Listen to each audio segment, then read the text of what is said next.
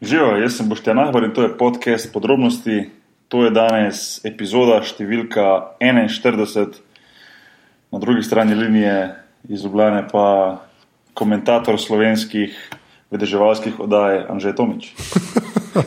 Ja, okay. Sorry, nisem vedel, da si to rekel.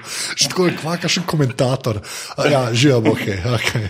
Ja, internetni oziroma twitteraški komentator. Ja, jaz ne vem, to da lahko služba obstaja za to. To je bilo epsko. Če ne, če ne, če ni do zdaj, pa zdaj obstaja. Ja, zdaj obstaja, Nekdo bi, nekdo bi te mogel plačati dejansko za tvojo. Zdaj moraš razložiti, moraš ljudem, kaj Zdaj, govoriš. zdaj, tako ne. Uh, slovenska, a rečemo neimenovana TV mreža. Ne, povej, kaj, kaj Okay. Ja, ne, to bo jaz, kaj, ker ne vem točno, da ne bom narobe rekel. Aha, net TV je. Net, Net TV, ima kaj vsako četrtek, ali kaj vsako. Ja, v kaj bistvu tale trenutek se odvija. Začne Tale se, pa, trenutek, ja. začne se po pol desetih. Se začne. Aha, Je oddaja Vaša osoda z vedeževalcem Blažem. tako, to je oddaja, ki, uh, katere nedvomno je velik fan Anžej Tomič. Res je. Zdaj, zdaj kak fan, pustimo zdaj to. ampak dejansko, če imaš čas, se usedeš pred TV in to pogledaš. A je to res? Res je, res je. Pa ob četrtkih ponovadi nisem imel treninga, tako da sem doskrat po nesreč zasledil. Ne. Aha, aha. Ja, ja, ne, da uh, z te strani sem ti zelo favš, ker res nimam, um, nimam net TV, ni, ni satelitski program, ni, ni internetni program, čeprav net TV, Bi lahko da bil, ni, bi skoraj da lahko bil internetni program, ampak pustimo to. Ja. Glavno, ja, država je zblaž, ki, uh, ki je zanimiv. Ne? Ja, mislim, lej, realno gledano je to grozen, kar te ljudje počnejo. Se ne samo on, veš pač tako. Ja, ja. Ampak- ima, ima jih, ima jih. Tako, tako. Ampak uh, način, na katerega on to počne, je zanimiv. zanimiv. Tako da ne bom še enkrat rekel, če kdo tega ni videl, net TV vsak četrtek, mislim, da je uh, 20-25, ne, oziroma ne 21-25. tako je. Ja. Pa komod tvitete Anžetu, ker je, obstaja velika možnost, da on takrat uh, gleda, Ja. gleda in komentira to. ne. Da Če boste to videli, ko Twitterju. upor- ja, uporabljati hashtag vaša usoda. tako. Vaša usoda je ta hashtag. Ja. Ja. Um, Uh, Drugač pa ful hvala vsem, no, ki ste sledili tweetom in mojim in od Bokija, pa Tamari, ne, ki je Boki omogočila gledanje z periskopom. Ne. ja, sem res, hvala lepa. Ja. Ja. Se priporočam za kaj takega. Um, čeprav uh, par jih je pa potem, par teh, ko so se vključili v debate, je pa dalo um, uh, link naprej od uh, vidovitega Milana. Tega poznaš? Ja, ja, on je pa itak že. Ta gre pa, ta gre pa uno, he, he, he takes it up another notch, veš, ti, ono, raise the, raises the level. Ja, mislim, Milan je boljši, to je treba povedati. Lih, lih, mislim, ja, mislim, je drug nivo. ne. Uh, lih prej, je, sem, mislim, prej sem šel gledat malo te, link, mislim, te, lih malo prej, pred, preden smo začeli snemati, sem malo pogledal par teh posnetkov. Ne vem, če si tega videl, ampak dejansko v enem od teh mnogih YouTube posnetkov, minutnih, je eno poslušalcu rekel, ki je imel pač, ki je imel pač težave z zdravjem in ga materna prebava, naj si utakne prst v ta zadnjo in gleda v poster Snoop Doga. Saj je to. Milan. Dvakrat, dvakrat na teden, po eno uro naj to naredi, pa bo, pa bo, pa bo rešen težav. Lej, to je videti Milan, tako je življenje. tako Da, ja, ja, on, je, on je kralj, on je kar kralj. Oh, ja. V glavnem, uh, če tisti an, angela, angela že imaš, kaj je že angel, kako se Uh, reče? k- uh, oh, kako je že, Angel Sode? Je bil Sode? Angel sode, kaj je že, ja, Ja, ja je zadnjič blaž prodajal. Ki V ga glavnem, ja. ja. Ja, ki ima čas za. Zdaj, ljudje, ki niste to gledali, vem, da vam ni več jasno. Bom dal link tudi v zapiske. Unetvite je vaša osoda, pa link do vedeževalca Blaža, da ste videli točno, o Vse čem govorimo. No. Enostavno je bilo toliko debate tudi v zadnjem tednu o tem, da smo rekli, da ima danes podcast odpreti z debato o Ja, če, če, če ne bi, bi delala krivica vsem. Tako, predvsem pa blažo. V glavnem. Um, ja, pa še nekaj, bilo je glavnem kar nekaj requestov, da bi blažo povabili na, na, na podrobnosti. Dajmo reči, da delamo na tem. A je to okej. res ali ne, ni važno, ampak gremo reči, da delamo na tem. Okay. Case closed. V glavnem, um, v prejšnji epizodi smo se pogovarjali z, z Jako Lakovičem, dolgoletnim slovenskim košarkarskim reprezentantom, moj dober prijatelj um, in, uh, in uh, legenda slovenskega basketa, Jale Nacionale, za nekatere, uh, ki je bil uh, pripravljen na tako res, res fajn debato o, o, o karieri, o izkušnjah, anekdote. Uh, tudi v prihodnosti, njegove načrte, in tako naprej. Tako da tisti, ki niste poslušali, um, 40. zadnja epizoda je tista, v kateri smo se pogovarjali z Jako. In uh, še enkrat hvala, Jaki. Um, Ja. Ogromno je bilo spet odzivov. Uh, pa jaz vedno rečem, uh, tisti ljudje, ki, ki bom rekel, nama pišejo, da delamo super podcast, jaz vedno rečem, brez najnih gostov ne bi bilo to, kar je. Tako da, ja, kaj še eno vrsti od teh mnogih, ki so res popestrili uh, ta podcast podrobnosti. Tako da, thanks. Um, drugač pa ja, uh, admin zadeve. Uh, ja, ta podcast najdete na aparatu.ca. Smo tudi v iTunesih, tako da nam dajte tam kakšno oceno. Uh, zdaj je tudi uh, naš Twitter račun s sužnom. Uh, je... Služen strokovnjak, služen Suž... strokovnjak, ker je le strokovnjak, ker zna. Dobro si me popravil, se opravičujem, služen strokovnjak, tako da afna podrobnosti počrtaj si. Uh, smo na Twitterju, drugač pa lahko aparatus tudi uh, podprete, to pa naredite tako, da greste na aparatus.si/slash podpri. Ja, ja, to je to. Tudi tud v mojem imenu, full thanks uh, vsi tisti, ki poslušate uh, in pomagate, uh, da ta podcast, mreža in ta podcast uh, podrobnosti še naprej lepo raste. Um, pa hkrati bi mogoče tisti, ki ste bolj košarkarsko usmerjeni, um, pa imate otroke, pa to poslušate. Jaz upam, da, rekel, jaz upam, da ne preveč otrok poslušate naš podcast, včasih znamo malo biti taki, ja, veš. Explicit. Zato smo dali na iTunes, sem strajal, da se da zraven tisti explicit uh, ja. znake, čeprav ti nisi najbolj največji fan tega, ampak ajde. Jaz se moram malo bolj paziti, veš. Res je, res je. Um, tako da, ja, tisti, ki um, pa nimate še mogoče poletnih načrtov za svoje otroke, oziroma uh, poznate koga, ki je nadušen od košarko, ki ima rad košarko, uh, vabljeni na moj um, košarkarski kamp, oziroma naš košarkarski kamp v Kopru, ki bo od 19. do 26. julija. Uh, več informacij pa na bokinahvar.net, tako da ne bom predolg. Uh, to je to.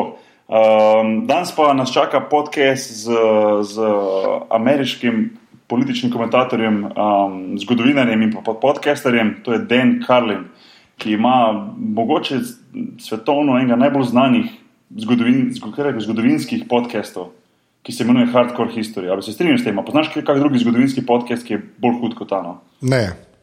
Se strinjam, da se strinjam. Pa povem, ja. da poznaš mnogo podcastov. Mislim, ja, človek, ja, je res, človek je na način, kako on pripoveduje, kako je uh, se lotil tega uh, podcasta, čist amatersko in, in, in tako vsako, kar res vem, ga bomo poprašali. V bistvu je pripravil ta podcast na tak nivo, da je to res uh, prava, prava učna ura.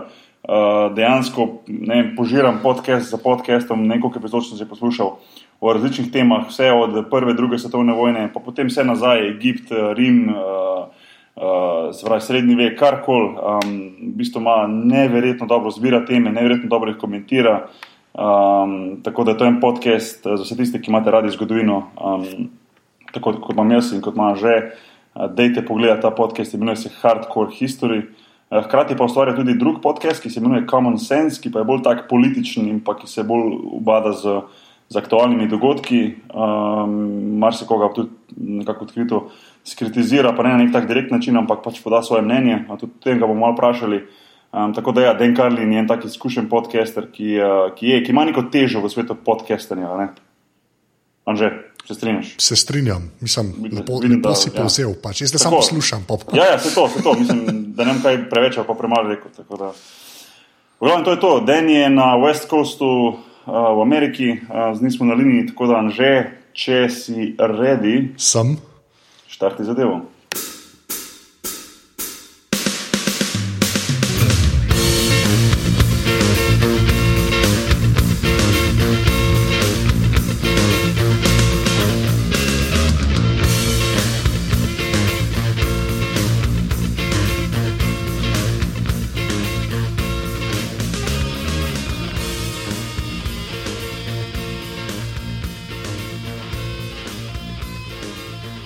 We as we said in the intro, uh, Dan Carlin is with us. Dan, uh, how you doing? I'm well. Thanks for having me on, guys. Yeah, thanks for thanks for taking your time. It's it's really cool to to talk to you. Um, like I told you a minute ago, uh, me and Anže are both big fans of Hardcore History and Common Sense podcast. Uh, both amazing podcasts that we would like to talk about in this uh, in this in, in, this talk that we're going to have. Um, really, uh, f- for my first question would be how, how did you how did you start this this the podcast? How did you get into it? I mean, you were if, if I'm not mistaken, you were a professional radio ho- host before. But what what what got you into podcasting to start uh, the podcast that you're doing now? I was a professional radio show host, and, and while I was in radio, radio got to be a not very fun place to work. Uh, there had been some legal changes, and there had used to be limits in the United States on how many radio stations a single owner could own. And generally, it was like eight or something like that. And then the law changed that, that pretty much took any cap off that number. So a couple of giant companies started buying hundreds and hundreds and hundreds of stations. And all of a sudden, you know what used to be a pretty local operation where the the boss who signed your paycheck was in the building with you turned into something where your station was one of 800 or 900 stations. And it just became a very we'd say in the United States homogenized sort of vanilla uh, um, uh, uh, the, the, no diversity, no fun, no no ability to be artistic, and so there were a lot of people um, in the in the early 2000s not very happy in radio and I had for years had some of my listeners saying that that the program that I did should be on the internet, even before there really was a mechanism for that. You know, very high tech people who would say, "Oh, you know, we should put the show on the internet before there were podcasts," and I didn't know what they were talking about. And then all of a sudden, um, I ended up working with a company that I started with some other guys, and one of the things that they wanted to try to pioneer was was online audio, and so I sort of became the test case, and we started a podcast then and then I just uh, I left that company not long afterwards. I took the podcast with me, and then I started the Hardcore History podcast after that. So that's kind of how it got started. And we were, we've been doing it since 2005. It, it, didn't seem like a long time, but people tell me today it's a long time ago. Yeah, 2005 was. I lived in the states from 2002 to 2008, and I, I remember uh, kind of just around 2005 hearing started to hear the word podcast, and I didn't know really, really what it was at, at, first. Uh, that was kind of the time where the the podcasting really started, right? 2005, 2004 is when it's, it's kind of kind of started, right?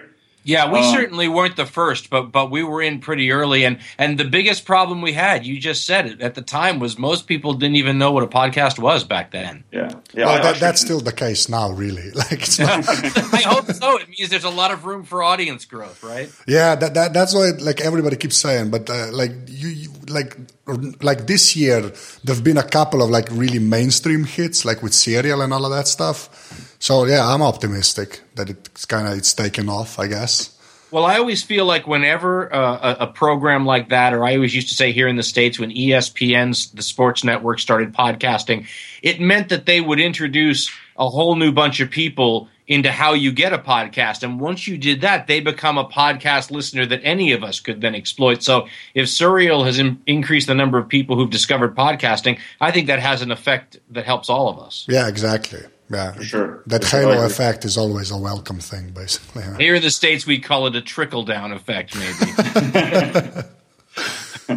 uh, but but then I, I, I always was wondering how, how, do you how do you record your podcasting? I mean, I'm, I'm guessing you're doing it in the studio. It's not like um, some of us who are basically doing it from home. Um, your your setup is a little bit more professional, to say so, right? I mean.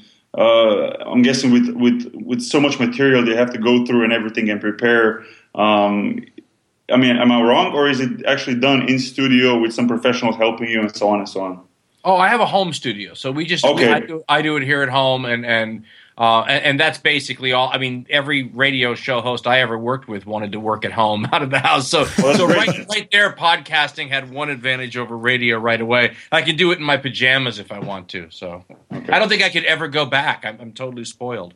that's good. No, that's that's that's good to hear. And um, I just saw um, on on the internet, internet, I saw that you just won a, an award for um, uh, the 11th annual podcast awards. Um, your hardcore history podcast won an award in education section. Um, I'm, I'm pretty sure that those awards like that and people recognizing your podcast has to be even bigger motivation for you for future to to keep doing what you're doing and and, and being like a proof uh, proof that you're you're doing the right thing. Well, boy, after ten years, I hope so. That's a pretty big mistake if I managed to go ten years yeah. down.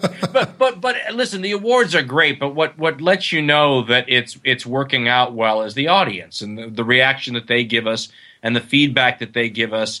I always tell people that if you go back and listen to some of our earlier shows, especially the Hardcore History podcast, they sound a lot different than the current one, and that's really due to audience feedback. They help us figure out sort of what's working and what's not and what we should do more of and what we shouldn't. And and so what you have today is is something I started but something that the audience helped mold into what it is. So if it's starting to win some awards and, and, and whatnot well that that's fantastic but it's certainly nothing I did by myself. I had a lot of people in the audience helping to smooth the edges and figure out you know the best way to approach things. So a little bit of a group effort there maybe but I, I appreciate you noticing no, but how yeah. has that been since you started in radio? I also have a radio background, like the audience feedback. Like, how is it different when you're doing the podcast?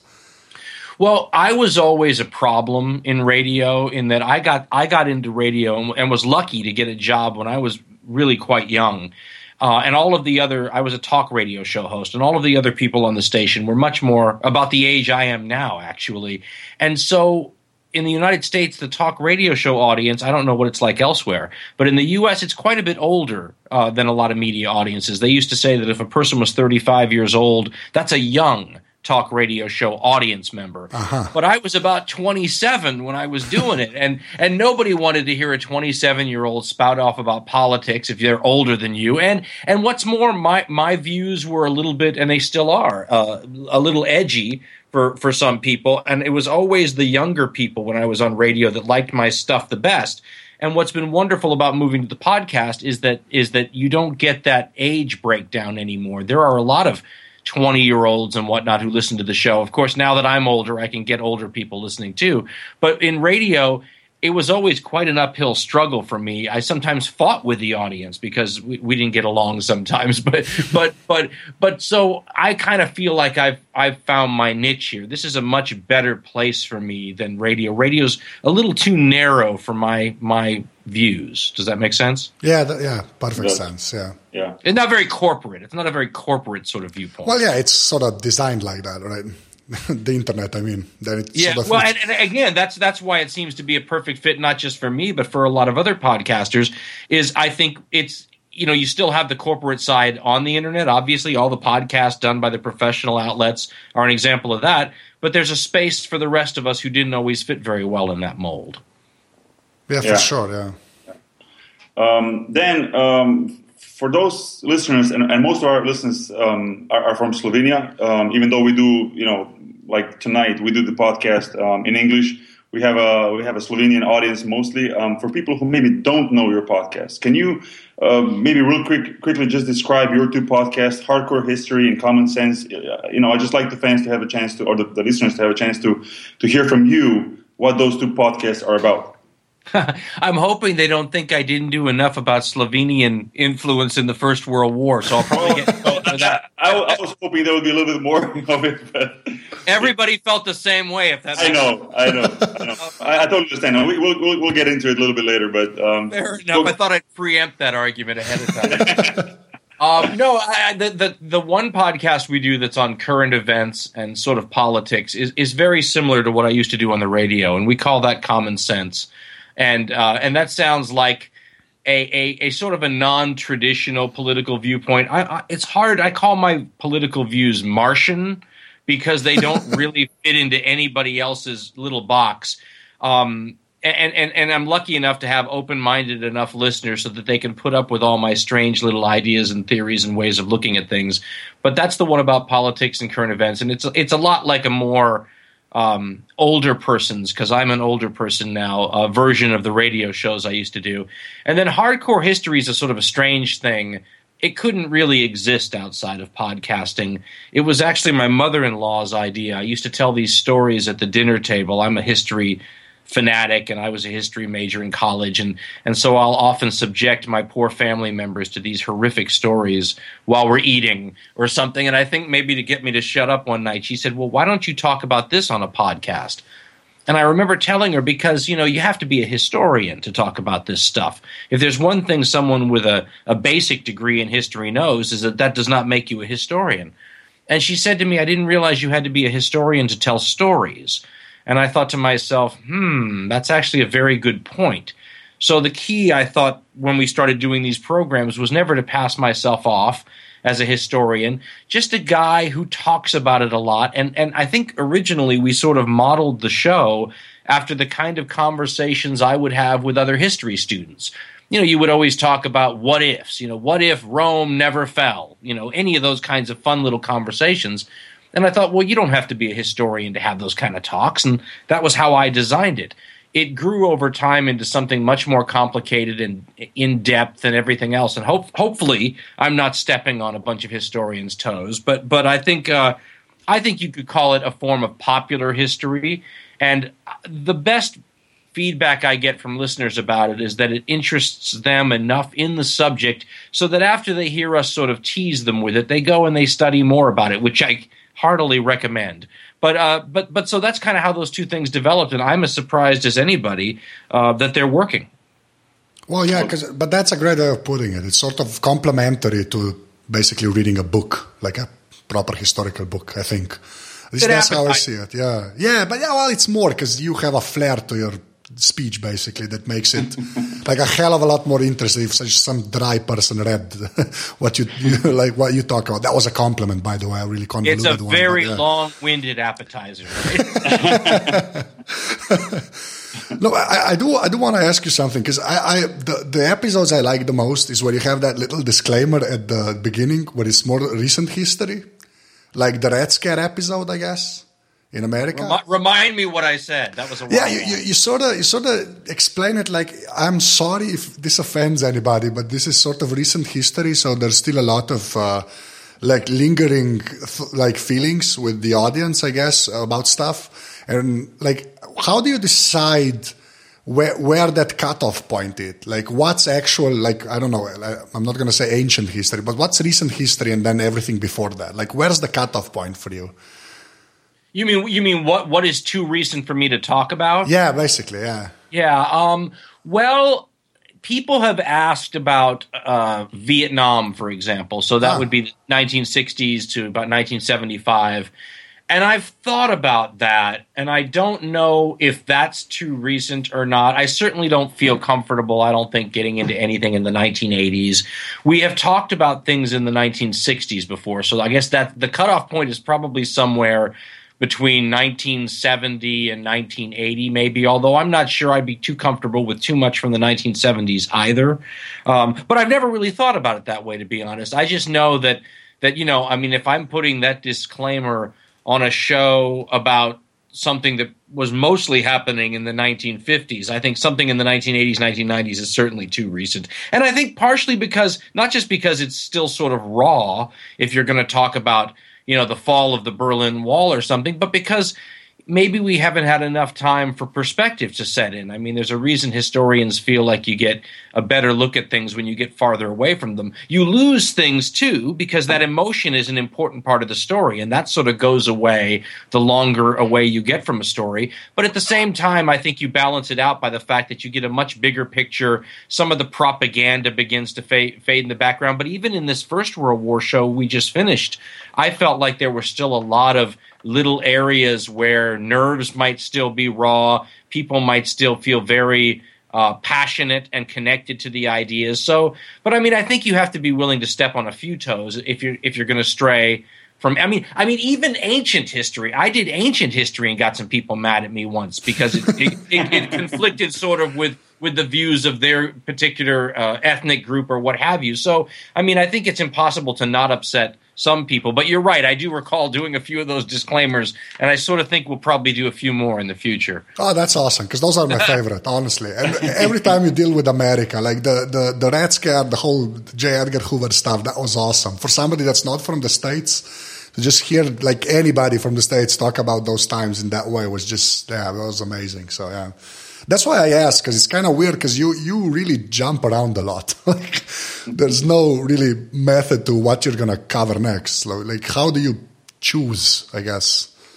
Well, I think that's how you can absolutely tell I'm not a historian because I think these days historians are so fantastic at specializing, you know, and they'll, they'll spend many, many years learning everything there is to know about Carthaginian history. But, but that doesn't always make it easy for them to talk about something outside that specialty. I love to look at the big sorts of changes and and and maybe stuff that's impossible to really study and know well it's just too big and amorphous and and as we jump around here the only thing that I, that these stories have in common is the people side of it. And and one of the things I always try to understand myself and so we do the shows around that is you know what are the people in these stories feeling or experiencing? And the first thing we have to understand is that there's no way to know. You can't even talk about it unless you throw that disclaimer out there because it's absolutely true. Not only is it impossible to know because I don't know what it's like to be on an ancient battlefield with the Romans and the Carthaginians, but I don't come from those cultures either. I wasn't raised with those expectations and the you know these are these are people but they're different people.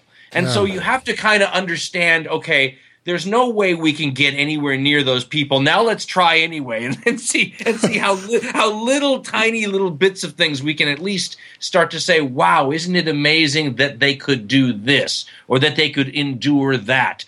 I mean, the ability for humans to endure is one of those things that that never ceases to amaze me, and that I think you see running through a lot of my history podcast, My my ability to just marvel at what human beings and our ancestors could do and live through. Well, yeah, right. that's putting it mildly, basically. yeah. Uh, then, then, what is, if you could point out maybe one or two things? What is about what is about history that is that is so attractive to you? What attracts you to history the most? I don't know the answer to that. I've I've been into it so long. My mom always joked that I, it must have come from a previous lifetime. But but to be honest, I think it's it's the ability, and I think most people who are really interested in history have this ability the ability to a little bit time travel in your head. You know, when you, if you can read a history book and look at the photographs in it and and really get a good picture of that i think that's that's something only about 10 or 20% of the of the people out there can do and if you can do that it makes you uh, a, a, very good audience member for example for for history books, popular histories in the bookstore, the the history channels and the TV shows and the movies. That appeals to a group of people, and I've always thought it's the people that that can relate a little bit to stories from other periods and experiences from other times. I don't think anybody can do that, but I think if you go to most universities around the world and you walk into a history department at those universities,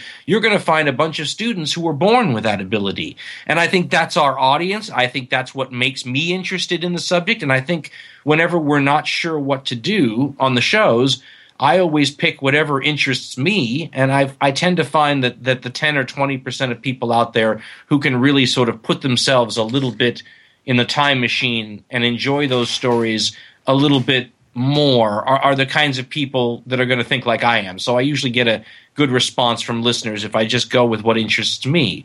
You know, those people who can who can put themselves a little bit, as much as you can, into the shoes of people who live before us if that makes sense. Yeah, it does. It does. And and what what did you you know through all the pod, the hardcore history podcasts you've done from from which podcast did you feel you got most feedback that was most most uh, interesting for the for the audience? Not the podcast itself, but the era you were talking about, the times you were talking about. Is there one that was sticking out more than the other? You know, I mean, before this latest series, I, I, tend to notice, and this is probably because the audience is increasing all the time. So, right, right. with the First World War podcast we just finished up, the audience is quite a bit bigger than it was when we did the one on the Mongol uh, era. But that was the one before this one, I would have said most people could relate to. I, I think they're enjoying finding out this stuff. And I think the people, you know, we hear from a lot of people on this First World War topic that know the topic very well already.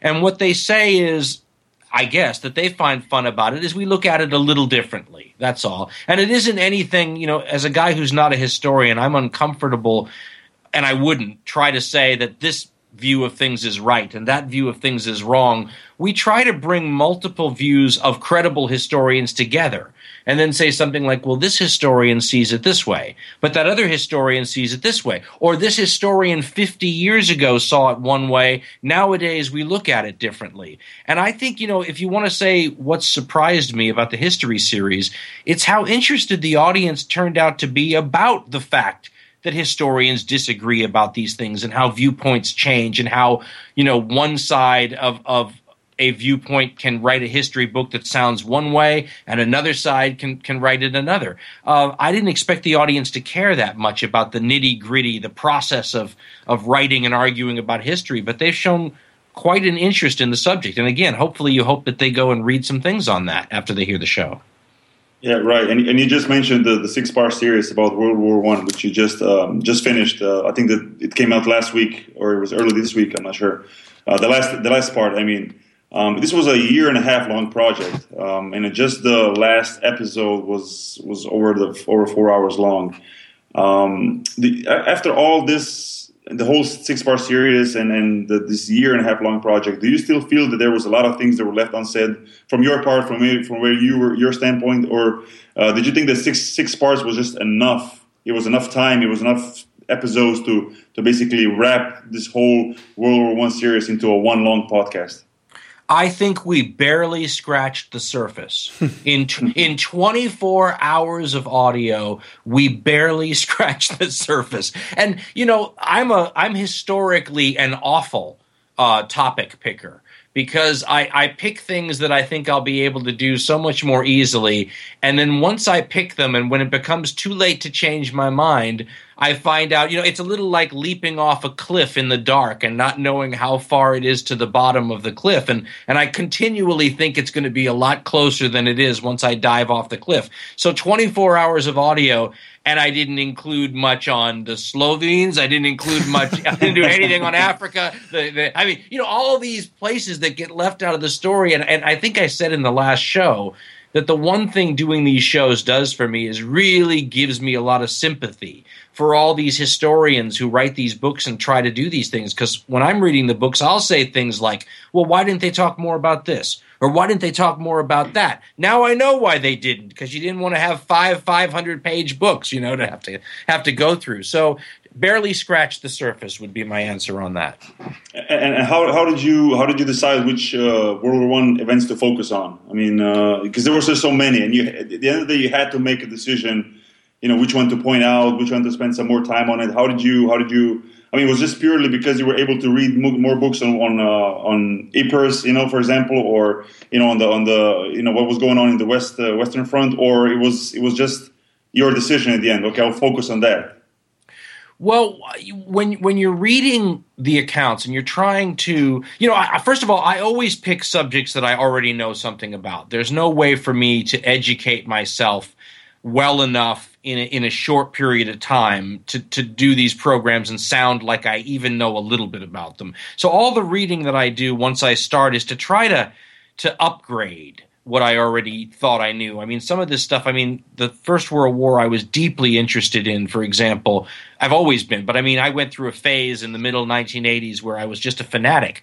But a lot has changed since the 1980s. So there's a lot of things you need to read to up, upgrade and update what you thought you knew. And then you sit down and you try to figure out now how am I going to build a story about this? How am I what order am I going to tell things in and what am I going to include and what has to be cut out and what do you have to have and what can you do away with? And then mixed up with all that are these stories that are just you know, when I'm reading it, I always make notes at the things that blow my mind a little. And I always try to figure out how I can include that. So sometimes events get brought up that maybe are a little too small but that story is just too good or too or says too much about human beings or or whatever it might be to not include. And so once you add all those things together and you say okay here's my pile of things that might go into that show you try to figure out you know the, the problem i had two problems with the first world war topic. One is that it's so huge and, and very confusing. And the other problem that we had with the First World War show was that it's it, it's it's simply you, you, what's the, what's the best way to phrase this? The the story is enormous, and, and, and the the the ability to differentiate the stuff that's going on. I mean, like this last episode we did, the entire last year of the war, there's stuff happening all around, right? But the the place where things are being decided are on the Western Front in these giant battles. And yet those giant battles go on for months and months and months and months.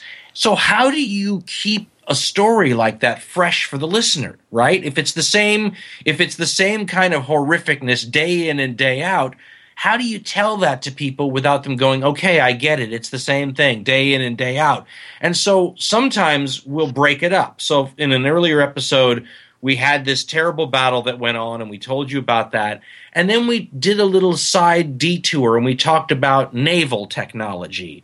And a big naval battle that had happened during that period was our opportunity to change sort of the, the pace and the feel and the mood and go from the deep, dark horror of the soldiers in the trenches to something that was sort of technological. And, and we, we could talk about some other things. And then when we went back to the trenches after we did that, people were were sort of refreshed. I, I, described it as as when you cleanse your palate with a little sorbet in a restaurant between meals. You know, you sort of if you keep touching the same nerve on the listener over and over and over again. For example, in the case of the trenches, the horror nerve, it becomes numb and it doesn't work anymore. And so you have to figure out ways, and this is what you guys do too. It's what all of us do who do podcasts. You try to figure out okay, what's the pacing of this have to be? What do I have to include? When do I need, if you're writing an opera or something, sometimes you need to build up the drama to some big crescendo, and then you need to take the audience down again. So there's an ebb and a flow and a rhythm. And so as you're trying to organize the events, you're trying to figure out how to change that. And the big challenge in the last show was that the events that really were deciding things were on the Western Front. They were drearily similar. They went on for months and months and months. So, how do you make that interesting, keep it fresh, and not just drive people crazy? I mean, I imagine if I was in a country that did not get much attention from Dan Carlin, I would sit there and say, Really? You're going to spend two hours on that Western Front thing at the expense of all these other interesting things? And it turns out, you know, one of the questions we ask ourselves all the time is what has to be in this story for people to understand? There's going to be a bare minimum. And that's when I had so much sympathy for all of these writers who concentrate so much on the Western Front because you end up finding out this story doesn't even make any sense if you don't. But, you know, as we were doing that, you, you sort of realize that all the people that are being left out of the story including the parts we didn't get to about the treaty afterwards and all that that that's that's remarkably important too. And that if you go it's part of what made this story so hard is that there is so much written material in so many different countries on this and yet not always the material you want. I mentioned in the last show the people that really deserved more than anyone that got shortchanged in this series are, are the french and part of the not because they didn't get attention from me but because they're really one of the major players.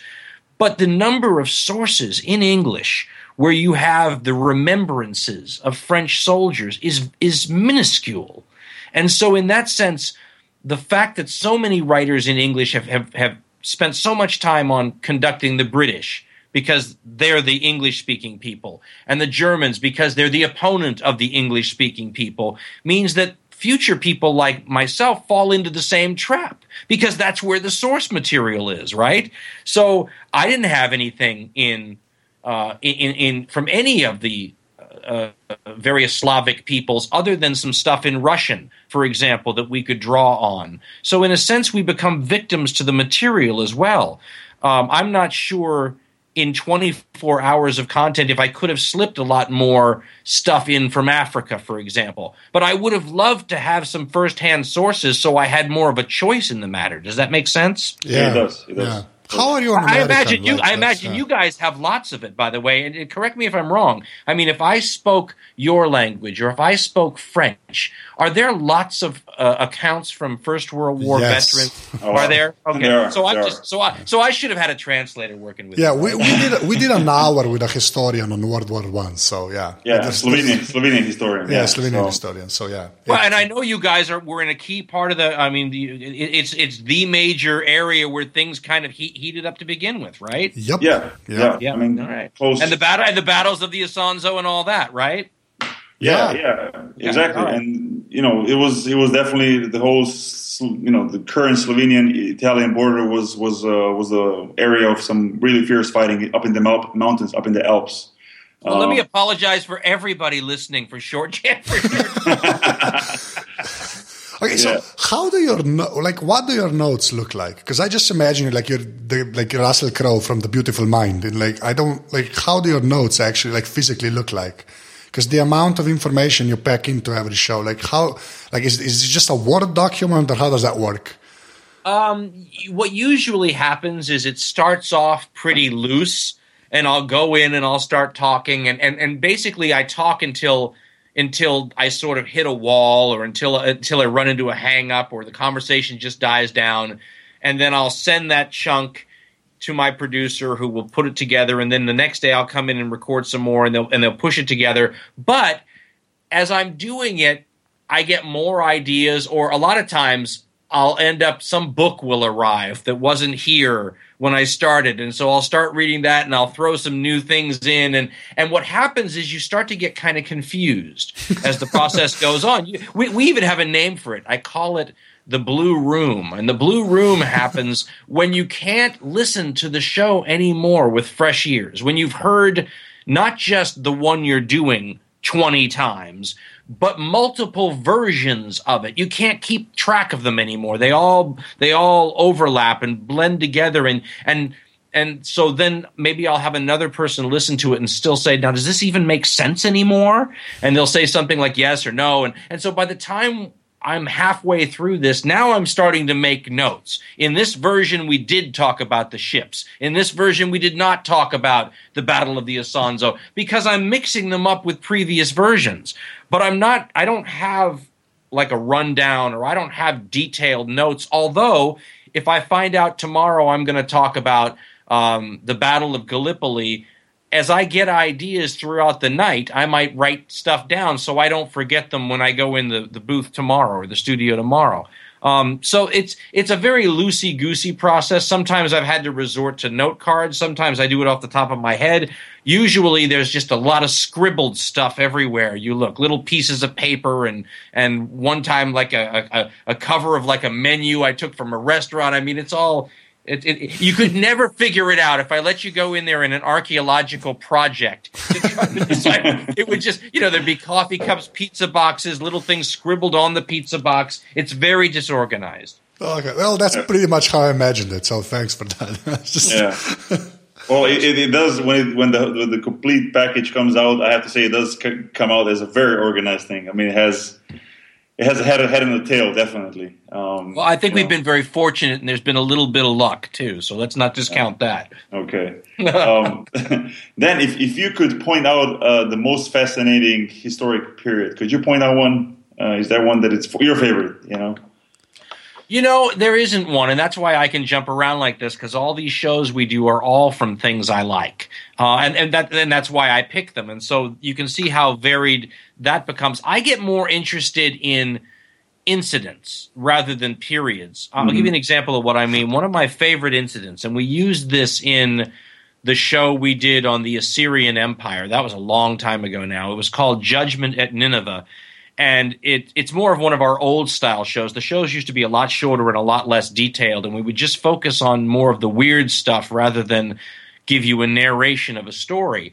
And I started the piece off with one of my favorite pieces from ancient history, and it's it was written by uh, the Greek soldier Xenophon, who was one of the people in the famous retreat of the 10,000. It's one of those great Greek stories from, from the classical era of antiquity. And there's an incident in his account that's so fascinating to a modern person because um, as these Greeks are fleeing the Persian army and, and running and fighting the whole way through Anatolia and all that and, and northern Iraq, they come upon a giant, ruined, lost city. Giant, bigger than anything they could have found in Greece at the time. In other words, it's like a city that is well a city that's of a higher technology than their own. This is something modern people can't relate to. We don't we don't run into tech you'd have to go to an alien world to have the same experience that xenophon had. And he didn't know what the city was. He just knew that it was it was it was falling apart. I called it a ghost city in the show. But it wasn't a ghost city. It was an assyrian city. 200 300 years after the assyrians fell and neither this Greek person nor any of the locals that they asked questions about knew what this was. And I just found that so fascinating. I thought it was like the end of the Planet of the Apes movie where they find the Statue of Liberty sticking out of the sand. I thought, now that's a wonderful moment. So that's the kind of thing I would build the beginning of a show around because I just, I love that sort of an image. Um, I love the images that play with the idea that we could still be subject to the cycles of history that other civilizations before us were subjected to. If you went to an ancient Roman in the height of Rome's fame and glory and said, "Is Rome ever going to fall? Is there ever going to be a time, you know, when when when it's ruins and people are looking back on it?" I think they would have thought that was crazy, probably. What if somebody said the same thing were going to happen to us? And if we're the only civilization that that doesn't happen to, well, then we become the exception. I think it'd be very interesting to wonder about future archaeologists digging up our cemeteries and trying to figure out if they could decipher these computer codes? You know, do they need a Rosetta Stone to try to figure out Microsoft Word so they can read our documents? You know, so so I love those kind of ideas, and we kind of work those things into the show if they seem applicable to what we're talking about. Yeah, and that, I was going to ask you that later. Like, what what can we learn from history? Uh, you know, uh, I mean, can history in a way pre- uh, predict our future? Simply because if we can look at past civilizations that were rising and falling um, I mean, can we learn from history that that could definitely happen to us too? And, and how could we avoid it and all that? Can history teach us that? You know, that's like the the big argued about question all the time. Even even amongst historians, I was reading one of those um, magazines that these historical societies put forward, and they were having the discussion again. It was it was it was even greater than that. It wasn't whether history could predict the future. It was does history teach us anything at all, or is it just kind of just like watching a TV series? Sort of, you know, it, is it just interesting? And I was talking about that in some audio I recorded today for the other podcast we do, where we were kind of talking about, you know, what can you see in the future by looking at the past? And what you can't tell, I mean, there's a famous thing we in America always have to listen to, and it always, it always, it gets involved in our political arguments where they talk about Hitler and they talk about the Munich Agreement, and they'll say that history teaches us, and this is not historians saying this, this is, you know, people on radio talk shows and political shows and arguing politics. They'll say, well, what we learned from Munich is you can't appease dictators. And that's exactly the kind of thing history does not show you because of the variables, right? Hitler is a variable. Just because Hitler behaves a certain way, does that mean Saddam Hussein is going to behave exactly the same way? No, because they're people and everybody is different. But sometimes you can see trends that look like they're leading towards something. So I was talking in this podcast I just recorded about the police uh, shootings that have happened in this country, and we're having some political debate over over African Americans who die in police custody. And I was pointing out that if something doesn't change, if things continue the way they are, you're going to see more of these riots that have started to break out. Now, there's no guarantee that things will continue the way they are, right? 9 11 in the United States, the terror attacks in New York, that's a perfect example about how the course that a place is on can change. But if you say, if things stay as they are, you can predict more demonstrations and riots in the future, I think that's the kind of thing history is not that bad at teaching. It's not foolproof because things do change and variables do come into play and and and wild cards, you would call them in a card game, come up. But but if you say if things continue as they are, you are probably going to see this, and history shows that. I think those are pretty safe assumptions. I'm not sure I would go to Las Vegas and bet anything on it. but but I mean, I've always found it to be a kind of a good guide when I'm trying to assess a situation. It's not foolproof, but it helps you weigh the odds a little bit. Yeah, Does that make sense? Yeah, of course. Um, Anže, you wanted to ask something about the the artwork? Uh, yeah, the artwork's awesome. I don't really have a question there. Just it's, it's, it's awesome. Yeah. Well, I'm glad you guys like it because my my wife hates it. My financial advisor hates it. I get a lot of, but but I try to explain to them that that I want it to look dark. and I want it to look kind of movie posterish, and I want or or like a, like the old record albums I grew up with. I, I want it to grab you, and I want it to say something. And the guy who does the artwork, I think he deserves all the credit in the world. His name is Nick Lay. He's a Canadian, and he's been working with us since I think 2006. And it's taken that long for him to understand the way I think because he he can do all kinds of artwork. He had to figure out my style, and and that's kind of becoming our trademark. And he just to me he gets better and better. And I've had his art blown up sometimes.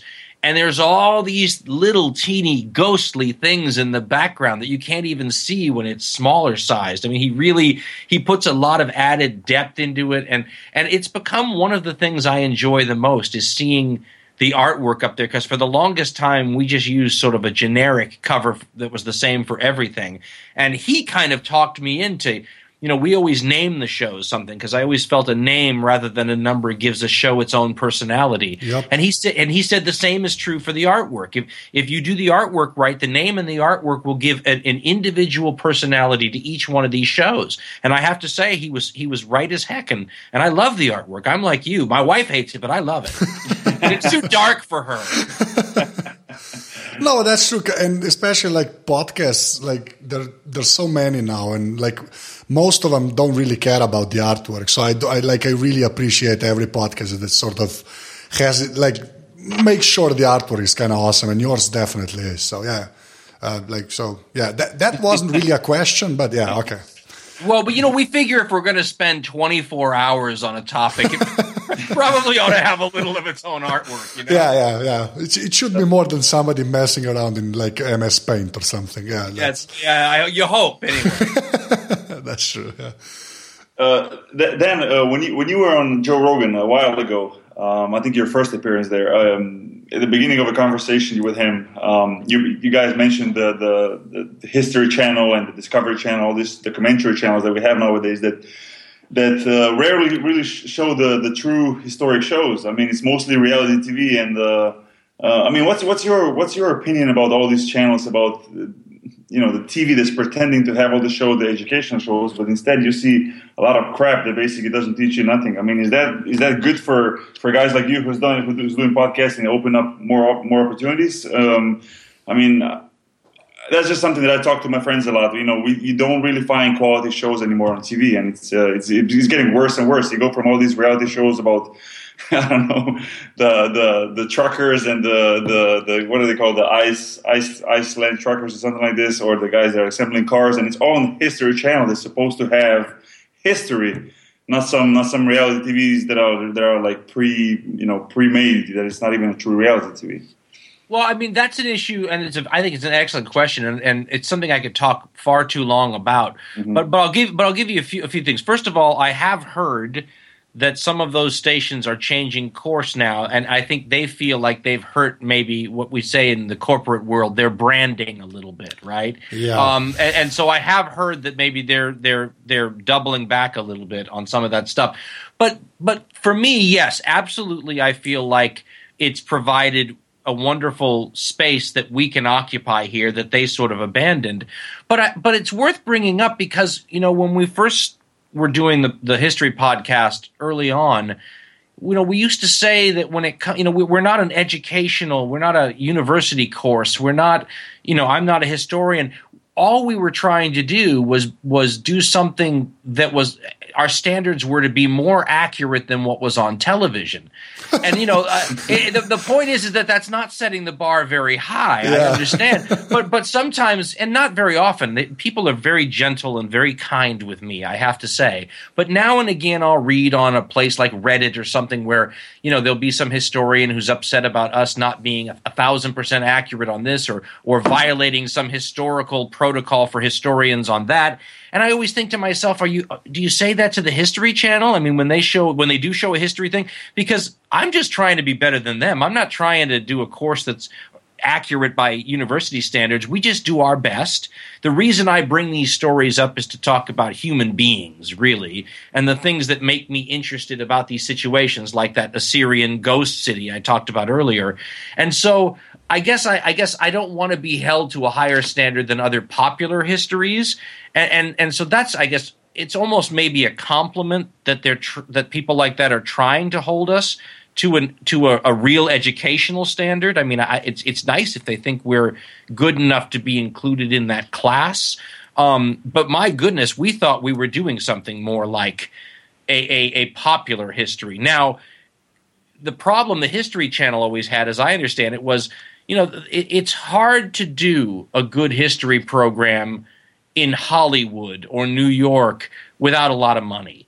Um, because you really have to then have some very good writing to make up for things. Like I, I've talked to TV companies, and I don't get very far with them because we have different views on what's good. Um, but one of the problems they always have is what the heck do they use for pictures, right? So if I'm going to talk about any of the things I talk about in these podcasts, there are pictures for World War One. But if I'm talking about ancient Assyria and Xenophon and ghost cities, there's a limited number of things that they can show somebody.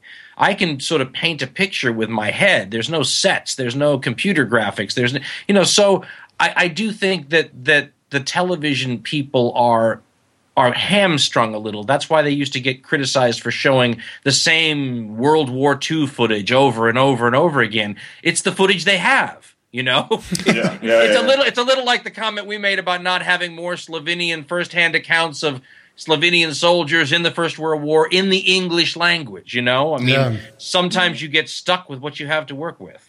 Yeah, and, and even less, even less probably uh, video material. I mean, you know. Oh, absolutely. Everybody was hamstrung by that. And if you go back before the video period, then you're shooting tombs and and hieroglyphics and and modern, you know, landscapes and maybe some computer graphics, but or recreations. I hate recreations. Oh, the worst. Just the worst. and yeah. you know what? I'll tell you something. Every TV person who approached me said, "Don't worry, we do recreations differently," and they never do. They're, you know, they're always they're always hokey. They always take a, a grand, really wonderful historical moment and cheapen it. I mean, there's just I, someday somebody will do it right, but I haven't seen it yet, and I wanted to experiment with some really edgy ideas. And the TV people looked at me and said, "That will never fly on this particular channel or that or that particular outlet." So maybe just a little too hardcore still for the TV channels. No, for me, it just it just it, it just bothers me a lot. Like you know, in, in the evening, uh, you know, you know, kids are asleep. Like I'm I'm ready to watch a good TV show.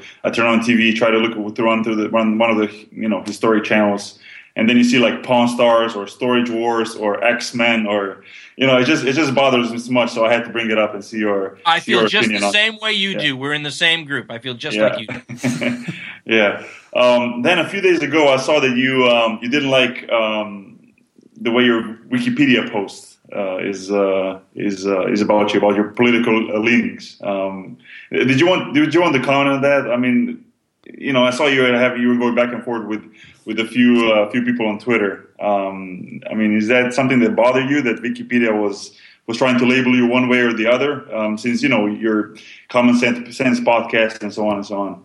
Yeah, imagine Well- that Wikipedia got something wrong. That's that You know. never happens. Yeah, I'll, I'll tell you guys a very. If I can make this story short, which I'm not sure I can, I'll tell you a funny story about the whole Wikipedia thing. And listen, we all know what Wikipedia is. It's not one person. I mean, somebody goes up there and either maliciously or just thinks that they they can describe what you think in a short little uh, label, and so they um Yeah, they, but they people, but people look at it like if people want to look somebody up, they'll most of the time turn to Wikipedia, right? That's just where. So let me tell you this story. So so about a year or two ago, I get invited, and I couldn't believe it. I mean, it, it's maybe the shock of my life to go give some outside the box ideas to United States Central Command, the Pentagon people who who run the Middle East uh, uh, warfare and all that.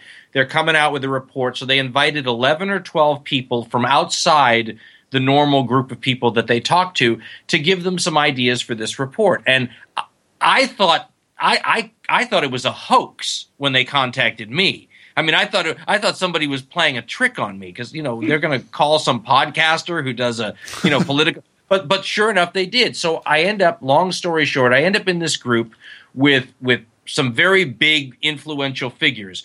and they and everybody has a, a, folder that they give us and it has the resumes of everybody else at the table so i can see this august figure and this guy and he went to this university and he teaches this they're all just great resumes for me they had printed out the Wikipedia page on me, and that's all they had. And so all these other people are, are thinking, wow, this is a really interesting group of people at this table. And then they get to me, and it's the Wikipedia page, and it's not even right. And so, and so, and so I mean, that's when I guess I learned, okay, I might have to pay a little bit more attention to this, that it's not just a harmless little thing. And so, but I don't go there and alter it. I think that's kind of cheating. So when I saw this thing that I knew would upset a lot of Americans if they saw it, because it it had said, I'm hoping I remember this correctly. It said I was a libertarian conservative but I'm not a libertarian conservative. And so I think libertarian conservatives would have gone there and said, Yes, I knew Dan was one of us all the time. And, but, every, but everybody else would have said, Oh my God, I'm not going to listen to this guy. So if you're the same viewpoint as that, maybe it works. Maybe it was a libertarian conservative that thought that we would get along real well. And I must be this, you know, I mean, that's how those things happen. But I, but you're right. I didn't want everybody else going and reading something that wasn't true. But I don't go to Wikipedia and alter it. So yeah, but, essentially, but, but, I knew if I told the listeners, somebody in there would fix it. Yeah, but but but Anže, maybe you know you're a techie dude. Like, who can go on Wikipedia? How do you fix if you if there's some entry? No, there's, you know, there's a bunch of editors, so they have to work it out basically. Okay. Like That's some, right. You need a citation from a, like a they, they have trusted sources, right? So it needs to be like it, like your political leanings basically would have to be written on a page on a website that's a trusted source by Wikipedia standards. So then you could have like a citation, you know, to that page where it says you're a blank, right? I think that's that's the only way to fight that. But like it's a convoluted system. Like it breaks down most of the time. So I think you got off easy. oh, I definitely. can you imagine what they might have put on there? I yeah, but, yeah, I agree with you. Yeah. Uh, then, uh, what, what, can we expect from hardcore history uh, and common sense in the future? You have any any long term goals, or you just go like month by month, year by year? Like, how do you, what do you, what do you, what do you, what do you want to do with it in, let's say, three, four, five years from now? Well, on the political podcast, the current events podcast, Common Sense, I'm running into problems because we're approaching 300 shows now, and and when you've done 300 shows, how do you keep from continually repeating yourself? Uh, and, and, how much should I worry about that? And, and, and, you know, part of what, and you, you guys are in podcasting too, all of us are inventing this medium. I mean, we think it's been around a while, but 50, 60 years from now, amateur audio content, for lack of a better name, we're going to look like this is the really early stages and we're figuring it all out now. And yeah. and and when you've got a couple hundred shows under your belt what what should you do? In radio you didn't worry about it. In radio they used to say people are getting into their cars and out of their cars all the time and you're getting new people and old people every 15 minutes. So if you talk about the same things it's no big deal but should we in podcasting say, well, I spoke about that five shows ago. That show is still on the internet to be downloaded, so I won't talk about that again? Or is that something you shouldn't worry about because people are new and, and listening for the first time and, and you have old listeners who heard the old show but new listeners who haven't so you, i'm having a hard time trying to figure out that problem on the on the current events show on the history show I have tons of unexplored areas we can still have fun with. My problem is I'm, I'm trying to not always do epic, large, long 24 hour series. I, I, had just done a big one on the Mongols when we did the First World War one, and I, I normally I would have I would have had a much longer break between the big shows, but we decided that the timing was so perfect, you know, with the hundred year anniversary of the war, yeah. and we and we wanted to get a little bit of that good timing, but it meant that I did basically two of these epics almost back to back. So if you don't like the First World War or the Mongols, a whole lot of my free feed is First World War and Mongols right now. so, so I want to I want to diversify the offerings a little bit, and I want to get a few more shows that are just single episodes. They might end up being four hours, but it'll be one episode, not six three or four hour episodes.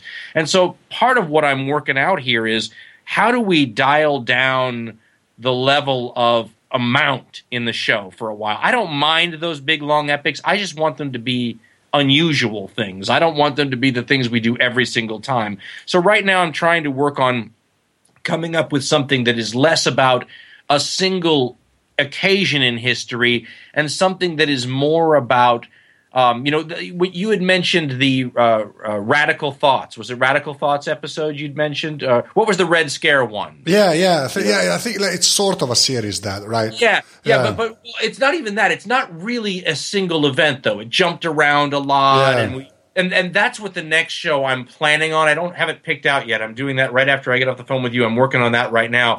But I, but I haven't. Been, but I but I, I'll tell you what I'm thinking, just so you know. I'll give you guys a heads up. Don't don't hold me to this because I'm sure I'll change my mind.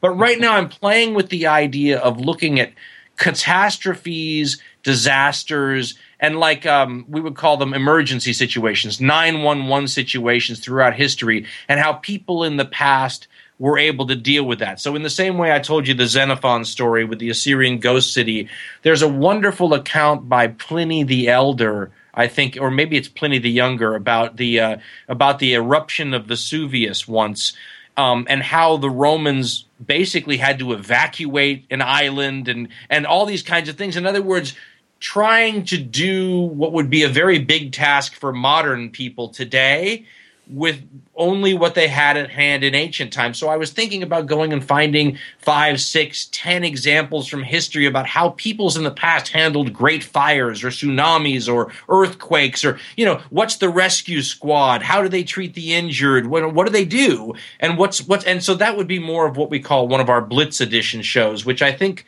the Red Scare one was also. Yeah, that was a blue. Yeah, yeah, mm-hmm. yeah. So, so it, th- those were supposed to be shorter shows, and instead they've just turned into sort of a different focus. And so, rather than focusing on World War One or the Mongol conquest, this will focus on sort of, you know, isn't it interesting? There'll be less drama and more isn't it interesting? We call them Twilight Zone twists. There'll be more of those and less narration, maybe. Certainly, a whole lot, a whole lot less reading material for me. I think.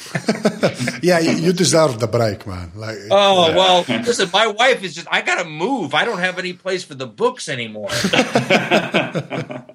I, I, can only imagine how that has to look like. Yeah. I have awesome. to say, in the United States, you get to write off business expenses, and one of the really uh, uh, great side benefits of being a history podcaster is all these history books are a tax write-off. So I'm, nice. I'm, I'm building nice. a nice, I'm building a nice library for business, and and it's one of the few things I can actually deduct from my taxes. nice, awesome.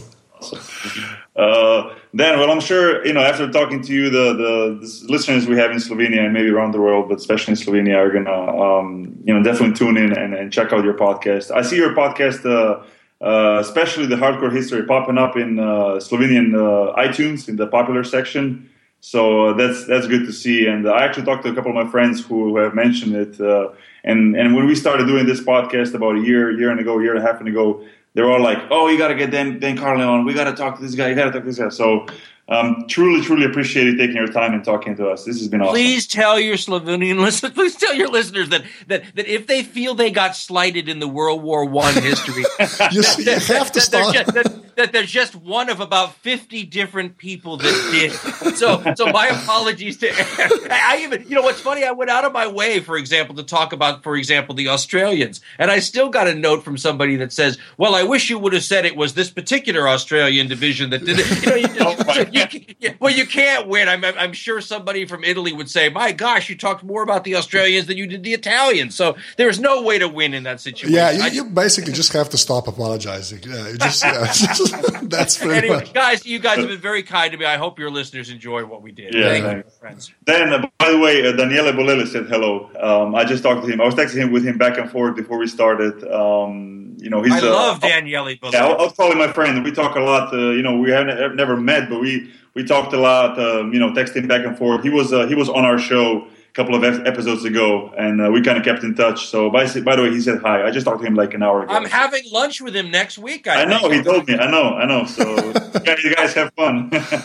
Thank uh, you, guys. I appreciate it. Yeah, uh, maybe maybe um, we could just tell the fans hardcorehistory.com is where people can find everything about about. about I think it's it's Dan Carlin. DanCarlin.com. That's right, DanCarlin.com. Um, that's where everything is. Um, people tune in, you know, check out the podcast. Both of them, they're both great.